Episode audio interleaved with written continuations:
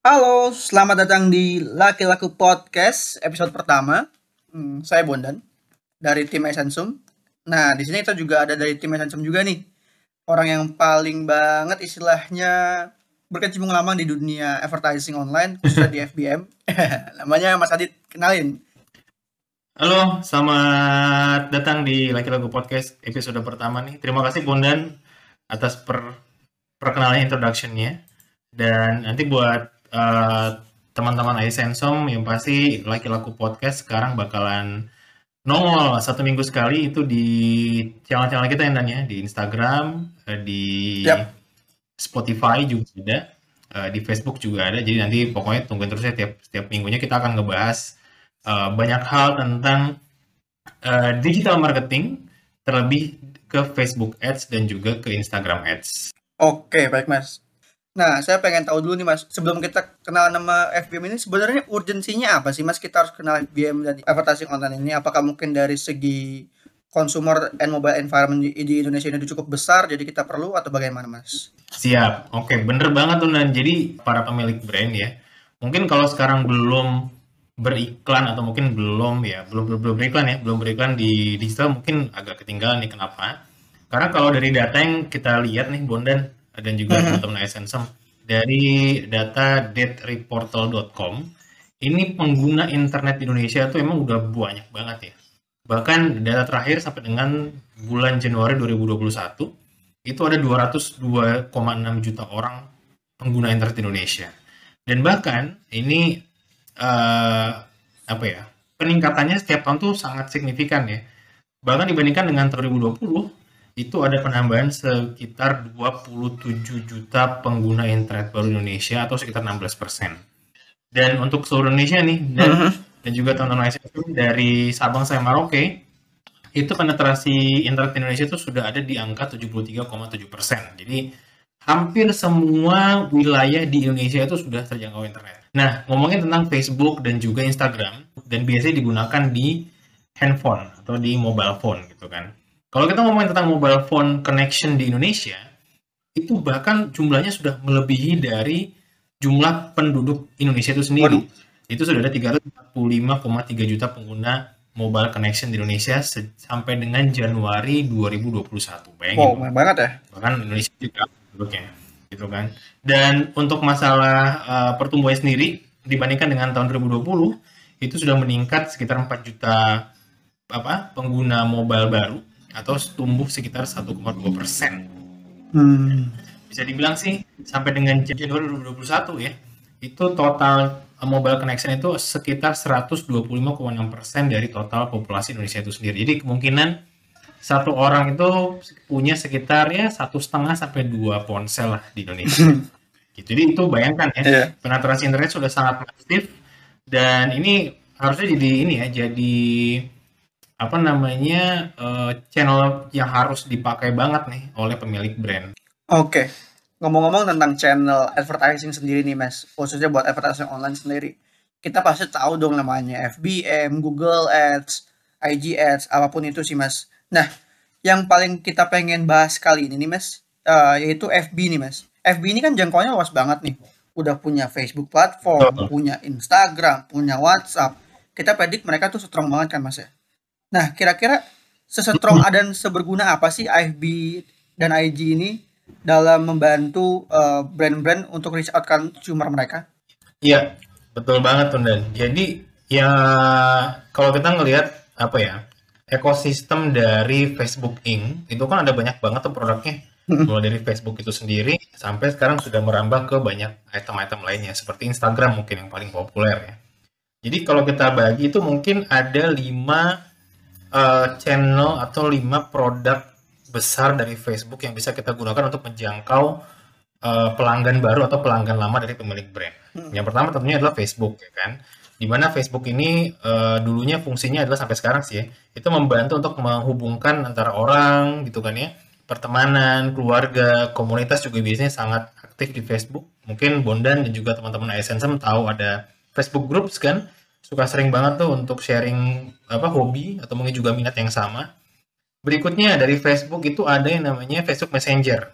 Ini adalah salah satu channel kalau uh, teman-teman Essensem ingin jualan di Facebook menggunakan Facebook Marketplace. Nah ini Messenger ini berguna banget nih untuk kita bisa japri gitu kan, nanya berapa harganya, available produknya masih ada atau enggak. Itu. Nah yang ketiga nih yang paling populer adalah Instagram. Bahkan Instagram sampai sekarang tuh sudah nambah satu lagi nih fiturnya yang lagi hot-hotnya nih Instagram Reels. Jadi ini salah satu channel yang nggak mungkin untuk dilewatkan oleh pemilik brand untuk menjangkau konsumen mereka. Yang keempat itu adalah WhatsApp. Ya mungkin hampir semua orang Indonesia menggunakan WhatsApp kali ya untuk dia apa namanya chatting dengan keluarganya, temannya gitu kan. Dan sekarang ini uh, untuk anda para pemilik brand ini teman-teman, sekarang sudah bisa mengiklankan produk yang langsung dikoneksikan ke WhatsApp gitu. Jadi nggak perlu repot-repot lagi tuh. Jadi kita bisa langsung tahu nih, oh uh, saat anda mau mengiklankan produk misalnya mm, makanan gitu ya atau mungkin baju gitu biasanya kan kalau mau nanya dulu bisa langsung ke WhatsApp itu bisa langsung dikonekin ke WhatsApp.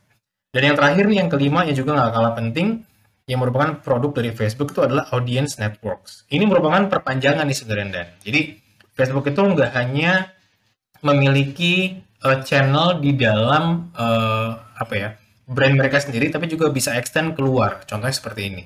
Misalnya Bondan punya mobil bekas mau dijual gitu kan, okay. pengen dijual di Facebook. Nah, audience network ini yang nanti bakal bisa memanjangkan lagi jangkauannya ke para publisher yang bukan merupakan produknya dari Facebook. Contohnya, mungkin akan ada iklannya Bondan jual mobil bekas ke blog yang ngomongin tentang otomotif. Oh, atau mungkin ke website atau publisher yang ngomongin tentang uh, mobil bekas. Itu juga bisa nongol di sana tuh si iklan. Jadi nggak hanya sebatas produknya Facebook, tapi juga Facebook punya audience network di mana dia bisa ngelebarin lagi tuh jangkauan mereka ke channel-channel publisher yang ada di luar sana sudah bekerjasama dengan Facebook. Tuh. Oke, jadi ini kurang lebih kayak misalnya kita lagi iseng-iseng browsing-browsing internet, mas, dan kita kita lagi buka misalnya kita di uh, gadget atau mungkin tadi lokomot uh, otomotif, tiba-tiba kita iseng-iseng lagi buka ada aja ikan yang kira-kira relevan gitu ya mas? Ya? Betul.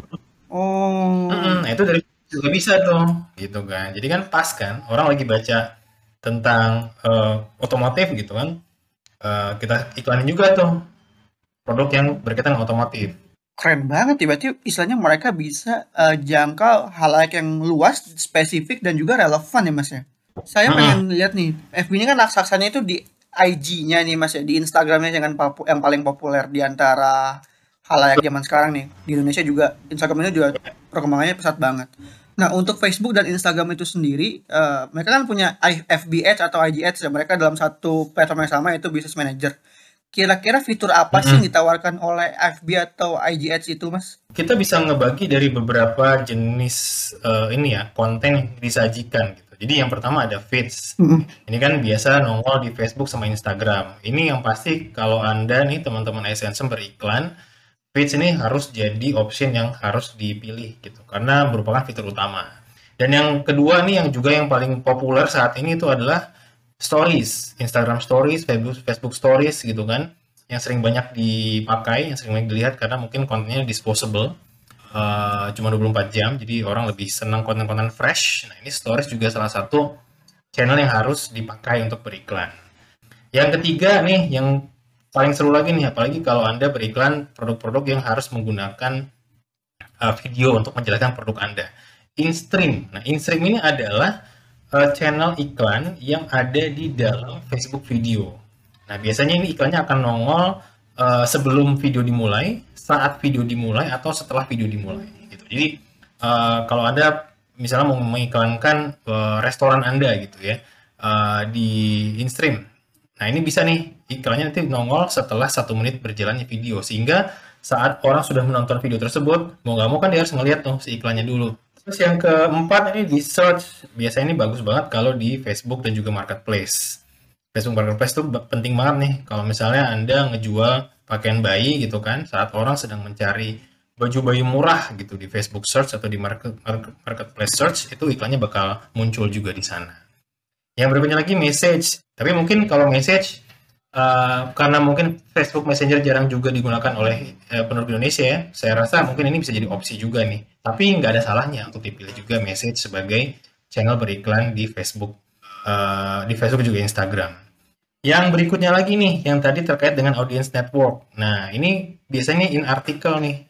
Uh, in article maksudnya adalah iklannya uh, teman-teman itu akan nongol di instan artikelnya Facebook.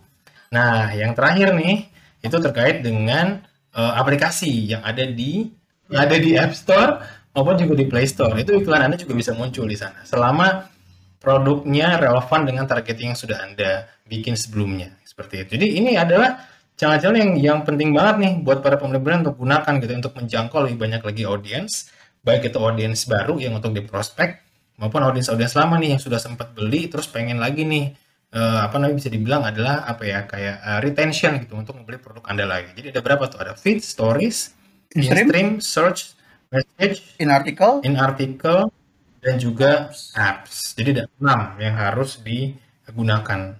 Oke, okay, Mas. Tujuh, sorry sorry tujuh. Oke okay, oke. Okay. Eh, eh, gimana nih cara kita ngelakuin memanfaatkan fitur ini? Apakah semudah yang terlihatannya karena oh. memang ini udah strong banget atau dalamnya ini kompleks banget nih Mas? Seperti itu. Oke. Mungkin nanti detailnya kita akan lanjut lagi di episode kedua dong. Oke nih Mas, betul. makasih banyak nih Mas eh, kesempatannya kali ini. Uh, mungkin dia makin penasaran juga kan pastinya audiens-audiens uh, dari teman-teman Esantem dan juga teman-teman pemirsa juga. Uh, maka dari itu stay tune terus di Instagram Laki Laku dari Esantem ini dan juga di Instagram Laki Laku pantengin terus karena kita bakal ada episode-episode selanjutnya. Oke. Okay. Siap.